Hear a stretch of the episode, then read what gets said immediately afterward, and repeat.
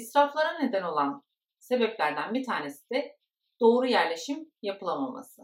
Yani layout'un düzgün bir şekilde tasarlanmaması, planlanmaması. Peki doğru hat tasarımını nasıl yapabiliriz?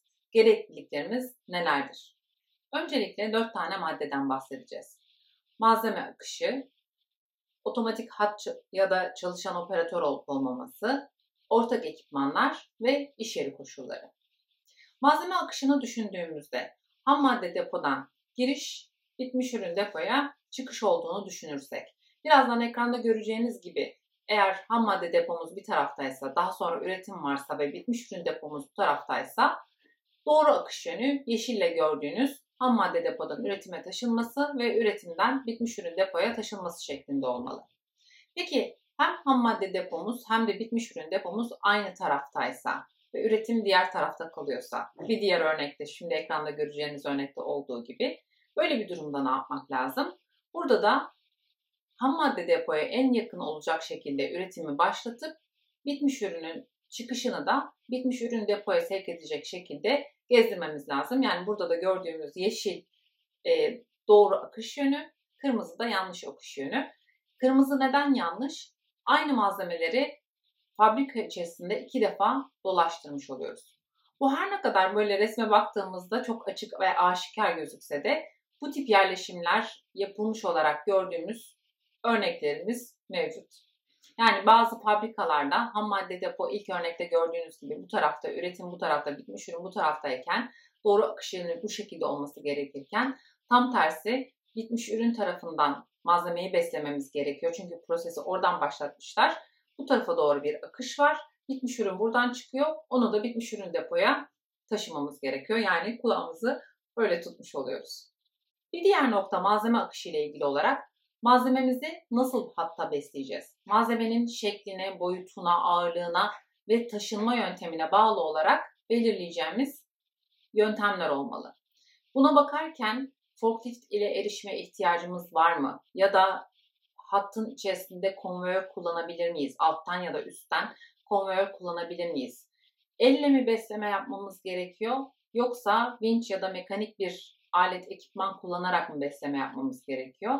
Bunları göz önünde bulundurarak o malzemeleri gerekli yerlere ayırarak ve forklift erişimi gerekiyorsa ya da vinçle bir aktarım yapmamız gerekiyorsa bütün bunları düşünerek bu hareketleri rahat ve ergonomik bir şekilde yapacak şekilde tasarımı yapmalıyız. Bir diğer nokta dedik ki otomatik bir hat mı yoksa çalışan operatörler var mı? Eğer çalışan operatörlerimiz varsa o operatörlerin rahat hareket edebileceği, ergonomik olarak uzanmaları, taşımaları en aza indirecek şekilde yerleşimi nasıl yapacağımızı düşünmemiz lazım. O zaman bu layout içerisinde operatörlere gerekli alanın ayrılması ve onların rahat çalışmasını sağlayacak bir şekilde tasarlamamız gerekiyor. Bir diğer nokta operatörler bir tek proseste mi çalışacak yoksa birden fazla prosese destek verecekler mi? Burada bu neden önemli? Çünkü biz operatörün en az zamanda en fazla işi yapmasını istiyoruz. Dolayısıyla arada kayıplarımız, az önce bahsettiğimiz israflarımız, taşıma israfları, arama kayıpları ya da yürüme kayıplarımız olmaması için bu yerleşimi optimize etmeye çalışıyoruz. Eğer birden fazla operasyona destek verecek operatörleriniz varsa yerleşimi yaparken bunu da gözden kaçırmamak lazım.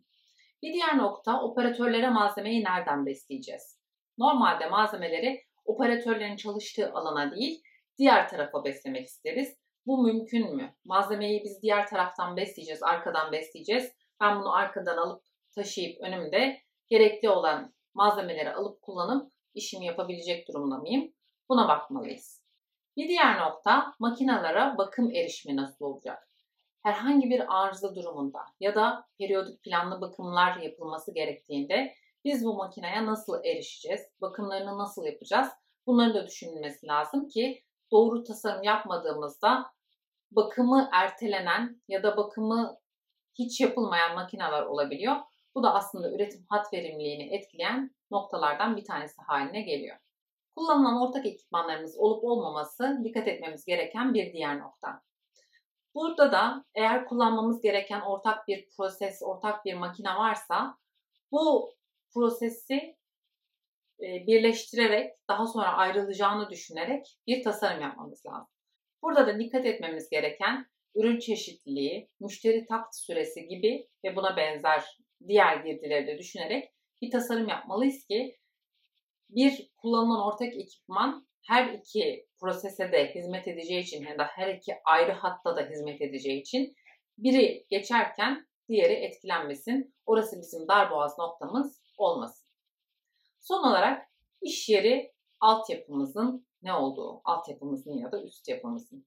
Taşınamayacak belli sü- süreçler, prosesler ve konumlar var mı? Destek kolonlarımız nerede?